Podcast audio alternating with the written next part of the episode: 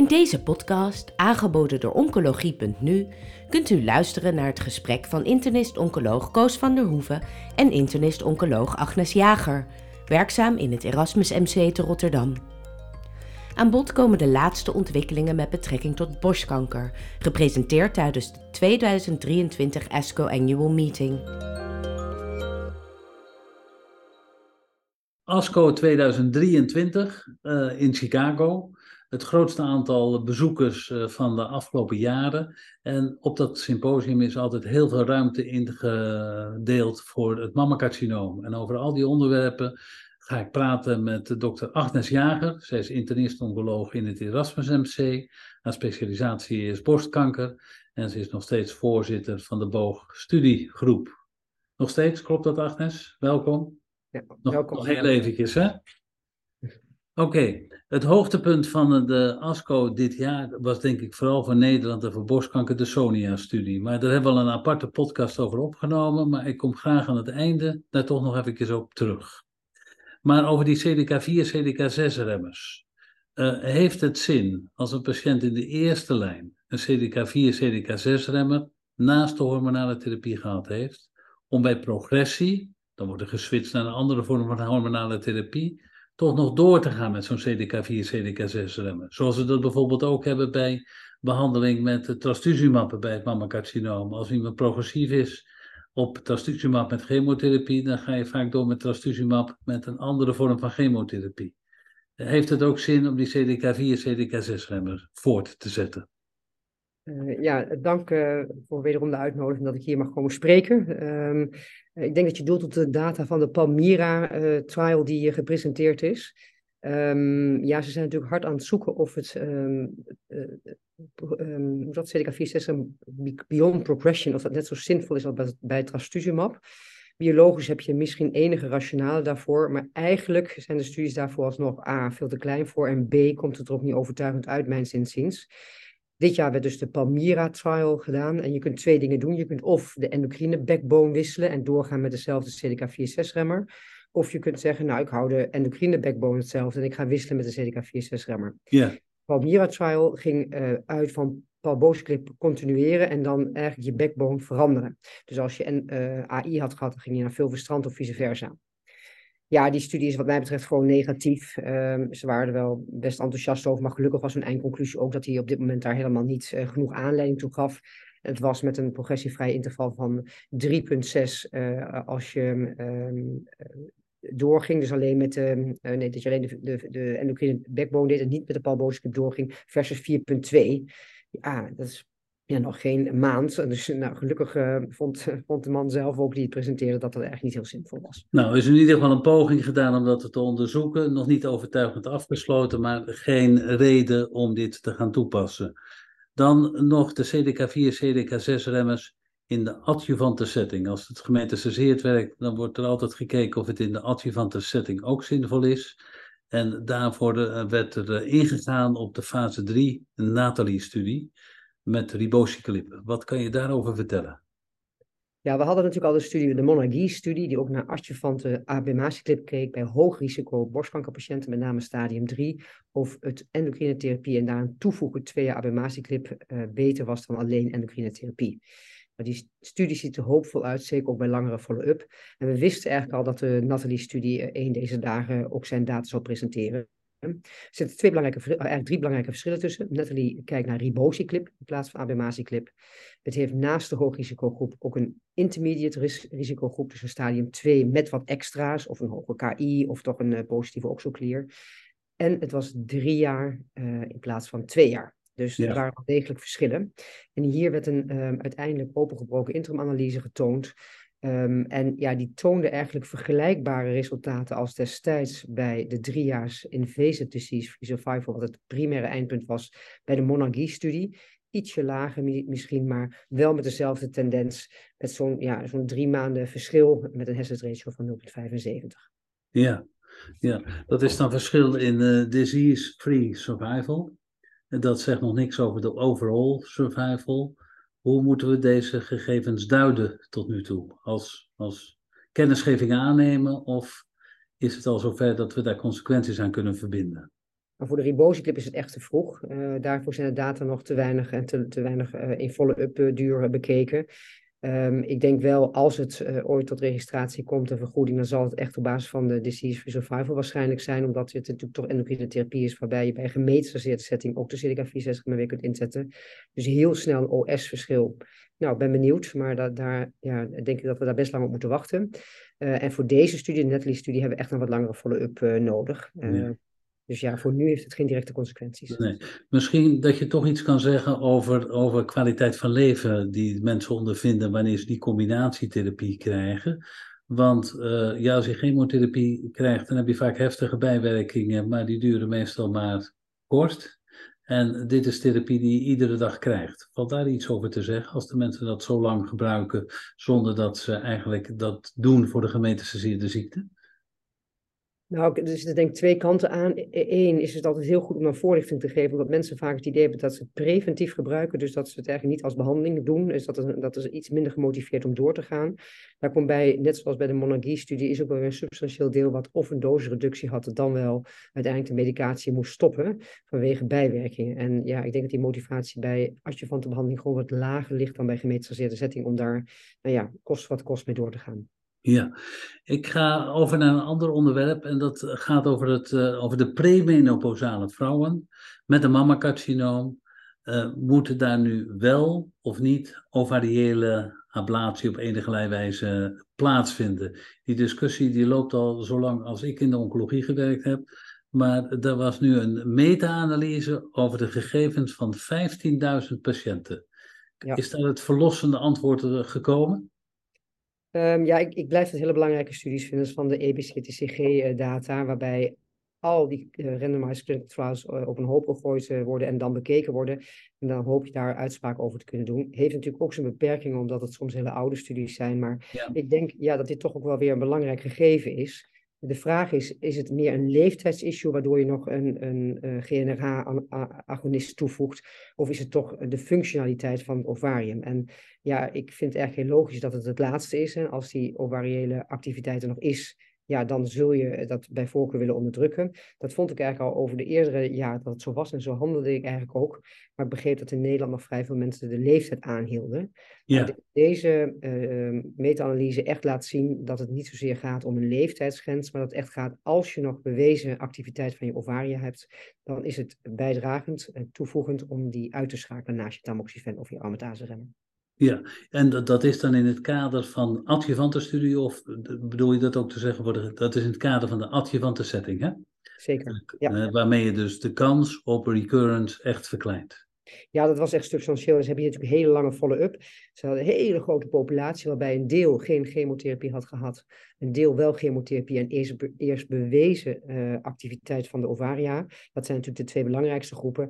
Ja, en dan zie je echt uh, op 15 jaar een recurrence uh, rate reductie van meer dan 10%. Dus dat zijn echt substantiële aantallen.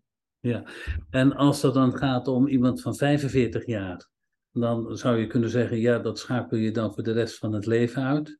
Hoe is dat voor iemand die 35 is? Ja, zelf hou ik nog gewoon aan de duur van de endocrine therapie. En dan hoop je in die vijf jaar, als dat de duur is, dat daarin een eventuele residuale ziekte geëlimineerd is. We hebben natuurlijk geen aanwijzing voor, voor bijvoorbeeld een N0 dat het langer doorgeven zinvol is. Um, dus ja, daar hou ik me dan in principe wel aan. En ja, dan kan het wel weer um, dat het ook, de nog actief zijn. Maar dat is dan wat mij betreft ook prima. Dan had het in die eerste vijf jaar moeten genezen. Ja, dus eigenlijk is, is de conclusie, als je adjuvante hormonale therapie geeft bij een mammacarcinoom, dan is ovariële uitschakeling van belang om de kans op terugkeer van de ziekte zo klein mogelijk te doen zijn. En eigenlijk zou er op dit moment dan ook geen verdere discussie meer over moeten zijn.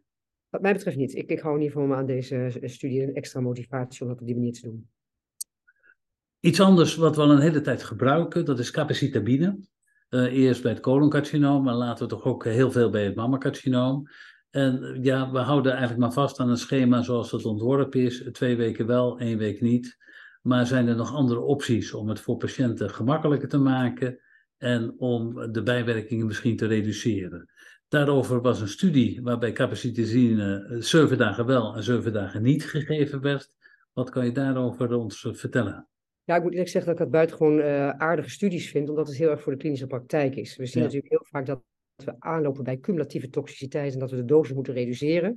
Ik moet eerlijk zeggen dat je het zeker ziet in de adjuvantenzetting na de eerder gegeven chemotherapie is mijn indruk. En wat deze mensen gedaan hebben, ze hebben op basis van een Norton Simon Gross kinetics model hebben ze bekeken hoe eigenlijk die uh, het anders zou kunnen doseren. En dan kwamen ze inderdaad uit op zeven dagen fixed dose, twee keer daags 1500 milligram, zeven dagen op, zeven dagen af. En dat uh, in de tijd versus ons klassieke schema, 14 dagen 1250 milligram per vierkante meter, uh, 14 dagen lang per drie weken. Ja zij wilde eigenlijk aantonen dat het, uh, niet, ja, dat het gelijkwaardig was. Ja. Eerlijk gezegd kwam dat er gewoon uit, op wat voor een eindpunt ze ook bekeken. het kwam er eigenlijk uit dat het gelijkwaardig was, maar een heel belangrijk verschil is dat het veel minder toxisch is. Ja. Wat is dat? Ja, maar dat is eigenlijk wel een belangrijke uitkomst. Ja, en, ik... en kan je daar iets mee? Dus ga je vanaf vandaag dat aan patiënten voorschrijven? Ja, ik, ik, ik heb, nou ja, moet je natuurlijk even afwachten dat je de hele paper hebt, dat er geen gekke Ja. dingen. Maar ik moet eerlijk zeggen, ik ben erg enthousiast. En voor gemeenschapssetting setting voel, ik daar heel veel voor.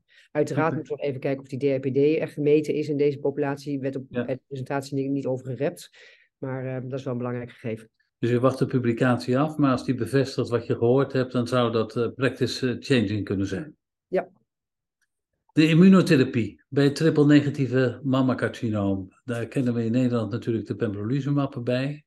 Maar eh, er was nog een studie, die heette de Torchlight-studie, die immunotherapie met chemotherapie vergeleek. Dat ging dan om toripalimab met nab-paclitaxel versus placebo en nab-paclitaxel.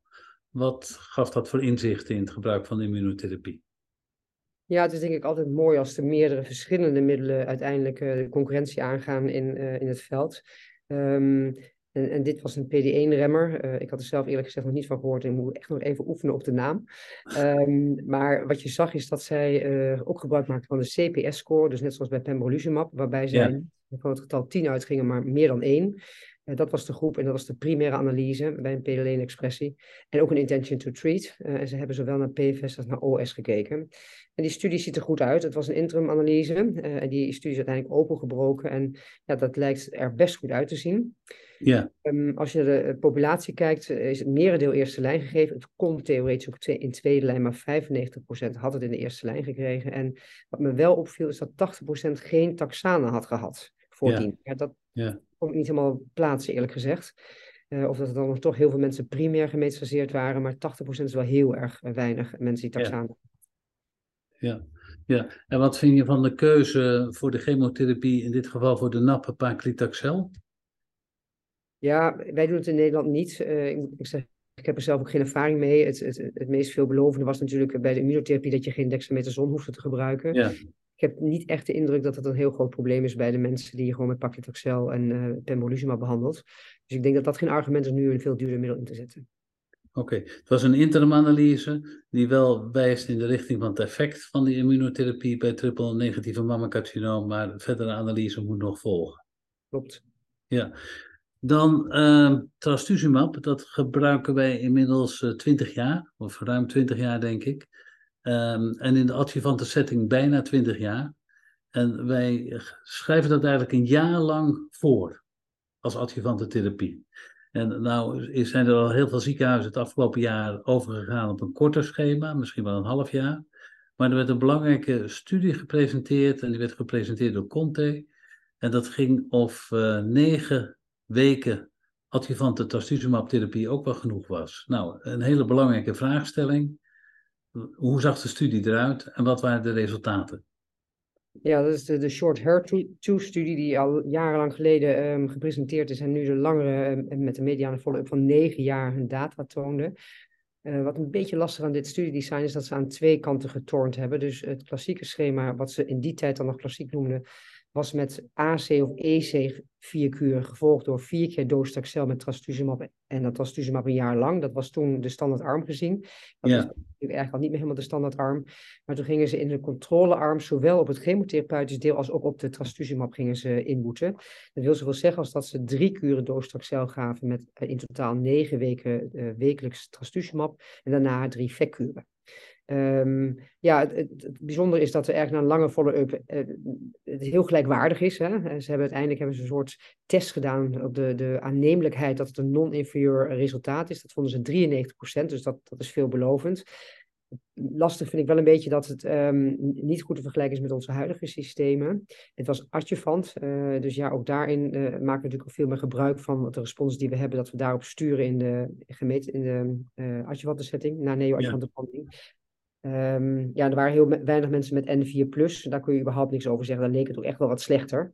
Uh, maar zowel N0 als 1 tot 3 klieren leek het vergelijkbare schema's te zijn. Maar nogmaals, het is een beetje een obsoleet schema in onze optiek.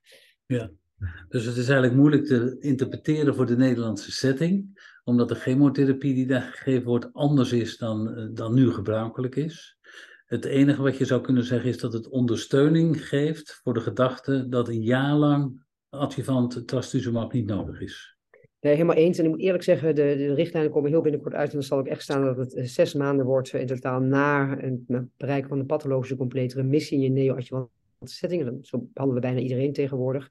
Ja. En ja, de studies, um, de trainstudies, de serie van Gabe Zonken, die zijn natuurlijk prachtig om te deescaleren. Want we zien dat sommige mensen maar heel weinig chemotherapie in, in, in combinatie met duale HER2-blokkade nodig hebben. Om al een pathologische complete remissie te krijgen. Dus op die, op die manier moeten we denk ik gaan deescaleren. En ja, niet in de adjuvant setting, wat we eigenlijk tegenwoordig helemaal niet meer doen.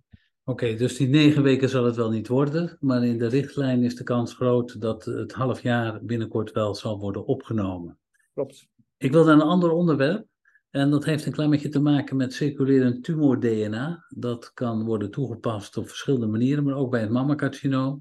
En in dat circulerende tumor-DNA kan je kijken naar een ESR1-mutatie. Wat voor betekenis heeft dat?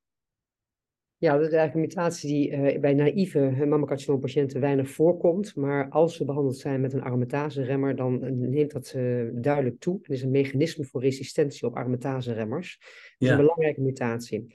En er was een elegante studie, dat is de PADA-1-studie, had ook al eens wat eerdere resultaten getoond. En wat zij gedaan hebben, is ze hebben mensen op een aromatase-remmer met uh, palbociclip, hebben ze ja. vervolgd in de tijd op ctDNA. En op het moment dat de ECR1-mutatie detecteerbaar was, hebben ze gerandomiseerd tussen doorgaan met aromatase-rem en palbociclip of switchen naar fulvestrant met palbociclip. Ja. Uh, omdat van veel verstand bekend is dat ja, die in principe niet uh, gevoelig is voor die ESR-mutatie. Overal is de prognose ongunstig, maar het kan nog steeds werken, die combinatie. Um, en eerder hadden ze al laten zien dat dat um, ja, een stuk langer is en dat je, dat, je, dat je het beter doet op switch naar fulvestrant met palbociclip. Nou, dat is denk ik nog niet eens zo uh, verrassend. En wat ze nu ook toonden is als je in de arm met de aromatase-remmer en palbociclip die dan doorgeeft, als je bij uh, macroscopische progressie, dus op beeldvorming. Als je dan switcht naar fulvestrant monotherapie, dan is eigenlijk het effect nog veel groter tussen fulvestrant palbociclip op het moment van switch versus AI doorgeven met palbociclip op het moment van uh, progressie naar fulvestrant. Ja, en daar uh, werd het wel wat uh, schimmig, vond ik. Want toen kwamen we de ene curve naar de andere curve. En um, ja, is daar eigenlijk in die zin denk ik weinig van te zeggen. Want wat opviel is dat bij een ESR-mutatie, die dan een keer gemeten was, uh, dat er nog altijd mensen waren die uiteindelijk helemaal bij progressie op de uh, aromatase en met palbociclip helemaal geen ESR-mutatie hebben. Dat is gek, hè? want je denkt, ja, die, die, zijn, die hebben dat. Dus dat is het mechanisme van resistentie. Hoe kun je dat nog klaren? Ze toonden ook aan dat zo'n 30, 40 procent de mutatie klaarde uh, onder het continueren van aromatase met palbociclip. Ja, nou, dat zijn echt hele wonderlijke dingen. Dan moeten we echt de data in detail bekijken om te kijken hoe we dat dan moeten duiden, denk ik. Ja, dus eigenlijk is dat ook exploratief. Um, en ook de vraag uh, of de betekenis van circulerend tumor-DNA voor die ESR1 hetzelfde is als dat je het in het weefsel aantoont. Uh, maak je zelf als gebruik van circulerend tumor-DNA om naar dit soort fenomenen te kijken? ik maak er zeker gebruik van, maar wel in studieverband. Want het is natuurlijk nu nog niet zo leidend. Ik denk dat een van de eerste die ik zou willen propageren is de PIK3CA-mutatie. Dat zou natuurlijk mooi zijn als we die in het bloed uh, dusdanig betrouwbaar kunnen meten. Dat maakt dat je een extra biop soms niet nodig hebt. Andere kant, bij een biopt kunnen we meerdere analyses doen. Um, maar tot nog toe is het natuurlijk nog niet in klinische praktijk uh, toegepast. Ga ik weer naar een ander onderwerp en dat heeft eigenlijk wel een klein beetje de belangstelling. Dat gaat over sacituzumab govitecan, het antidruk conjugaat. Um, dat toegepast kan worden bij een triple-negatieve mammacarcinoom. In Nederland veel discussie geweest over de vergoeding, waarvan de minister heeft gezegd, we doen dat niet. En bij de ASCO dit jaar was de, de finale analyse van de Tropics 2-studie. En die ging vooral over de overall survival. Kan je die data noemen? Ja, dus het, het gaat inderdaad om de uh, antibody-drug conjugates, hè, waarbij um, de uh, SN38 gekoppeld is aan um, een antibody gericht tegen TROP2. Uh, en we weten ondertussen dat zowel bij triple-negatieve als ook bij ER-positieve tumoren dat een buitengewoon hoge mate tot expressie komt. Ja. Topics 2, dat was de studie bij de ER-positieve. die mensen moesten in ieder geval een taxaan gehad hebben en een CDK4-6-remmer en minimaal één lijn endocrine therapie in een gemeenschapsgebaseerde setting. Ja. Um, en dan mochten ze twee tot vier lijnen chemotherapie gehad hebben. Maar de eerste resultaten hadden, uh, uh, richtten zich op de progressievrije overleving. Dat was niet zo heel indrukwekkend. Dat was toen 4 uh, en met, zoals je dus kan 5,5. Dus een enige verbetering. Maar zoals je dat al vaker ziet bij die antibody-drug conjugates, wordt die overall survival best gunstig beïnvloed. Uiteindelijk waren dat nu de data die getoond werden bij een follow-up mediaan van ja, ruim een jaar. Um, ja, was dit um, 11,2 uh, bij de standard of care uh, door de physician gekozen versus 14,4. Dit was meer dan drie maanden, maar de ratio was 0,79. Ja moeten we tegenwoordig heel erg gaan nadenken. Hoe zit dat nou met die nieuwe Pascal-criteria? Hoort het er wel toe, hoort het er niet toe? Nou, zover ja. ik uh, het uh, heb begrepen, is dat in de oude situatie wel. Want dan hoef je of een hazard ratio of een, um, een progressievrij uh, overleden, dus een OS-winst te hebben van drie maanden. maar met nieuwe Pascal-criteria komt dit bij ons in ieder geval in Nederland niet in aanmerking voor vergoeding. Nee. Maar als we de studie SEC bekijken, toont dit aan dat er ook bij de patiënten met een ER-positieve vorm van het mammacarcinoom na een uh, uitvoerige voorbehandeling toch overlevingswinst van meer dan drie maanden gezien wordt wanneer je de sacituzumab met govitecan toepast. Nou, hoe dat in Nederland verder gaat, dat zullen we de komende tijd wel merken. En ik denk dat we de publicatie daarover af moeten wachten. Een ander belangrijke antibody-drug conjugaat is het trastuzumab deruxtecan. Waren daar nog nieuwe inzichten over bij deze ASCO? Nou, vond ik eigenlijk niet. Ze gingen nog eens uh, bij al die studies op een hoop uh, gooien. kijken of leeftijd ertoe deed. En met name qua toxiciteit, ja, daar ben ik meestal niet zo heel veel onder de indruk. Uh, eigenlijk was de bottom line dat je dat eigenlijk prima kon geven. Ook op wat oudere leeftijd. Dat die trastuzumab kan waar een beetje bevreesd waren voor die interstitiële longafwijkingen.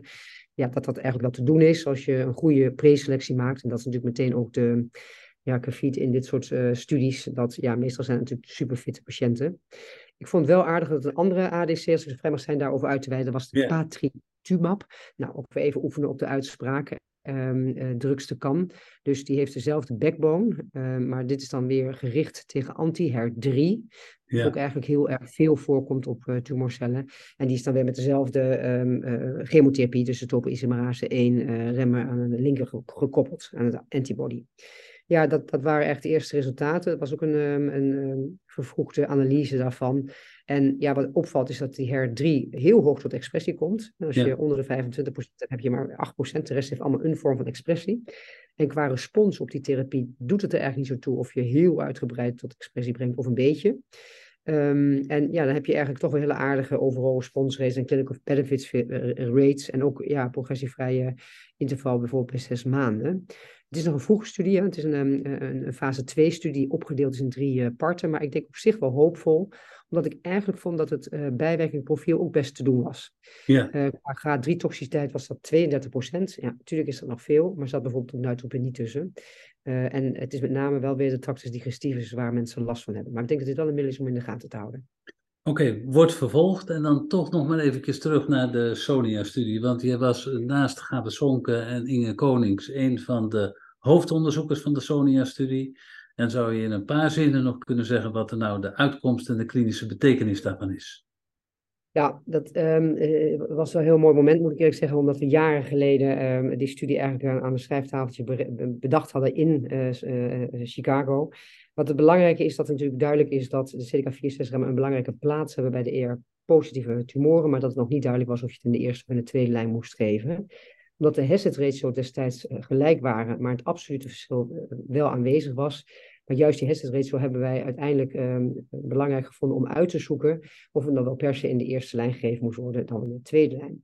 Omdat wij vonden dat dat eigenlijk niet duidelijk was, hebben we gezegd, het moet eigenlijk zoveel beter zijn om het in de, in de eerste lijn te geven, dat dat um, voldoet aan de um, internationale criteria, de, de clinical, Benefit Scale.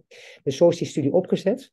en wat we uiteindelijk hebben aangetoond is dat eigenlijk ten opzichte van het geven in eerste lijn dat er geen statistisch significante verbetering is in de progressievrije uh, overleving na twee lijnen behandeling. Hè. Dus mensen kregen of in de eerste lijn of in de tweede lijn. Um, en dat die ook niet klinisch uh, relevant was. Dus dat geen OS-verschil. Uh, is natuurlijk een klein beetje immatuur, maar is, ja, ligt volledig op elkaar. Het leidde wel tot 42% meer graad 3 toxiciteit. Geen verlies aan kwaliteit van leven. Maar als je dit doorrekent, krijgen gemiddeld mensen 16,6 maanden langer de CDK4 is in de eerste lijn. En dat resulteert in, als je het standaard zou geven in de eerste lijn, tot ja, 2 ton dollar per patiënt meer dan zou je het in de eerste lijn geven, in de tweede lijn geven. Ja. Die studie was dus daverend positief. En um, ja, je werd bijna emotioneel van als je in de zaal zat hoe het ontvangen werd. Dat was in Amerika met een discussie die uh, erg tegen was. Maar uh, ja, het publiek uh, reageerde daar echt, vond ik, op een hele mooie manier op. Qua ja, toch de waardering en, en echt dat dit de weg voorwaarts zou zijn voor de toekomst.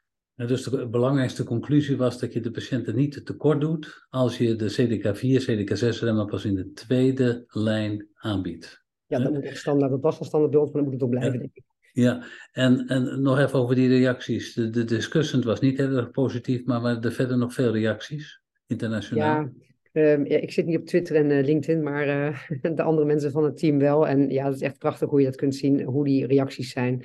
Het gaat van um, Um, mensen die in, in Zuid-Amerika wonen en zeggen van god, wat een fantastische studie. En nu kunnen we het eindelijk geven, want in eerste lijn mocht het nooit, want het was veel te lang en te duur. Maar nu zien we wel met deze studie de mogelijkheden tot ja, mensen die zich bij wijze van spreken aanboden om uh, referent te zijn, om het vooral maar in de New England te krijgen. Nou ja, hoe, hoe, hoe aardig is dat als je dat soort reacties krijgt? Ja, nou, ik denk dat ik je daarmee uh, van harte kan feliciteren. En de hele boog uh, studiegroep die dat gedragen heeft. En dan wil ik je weer heel erg danken voor je bijdrage aan deze podcast. Dankjewel. Bent u geïnteresseerd in meer podcasts? Deze zijn te vinden op de website www.oncologie.nu. Heeft u zelf een onderwerp of onderzoek dat besproken kan worden in een podcast? Mail het naar info@uitgeverij-jaap.nl.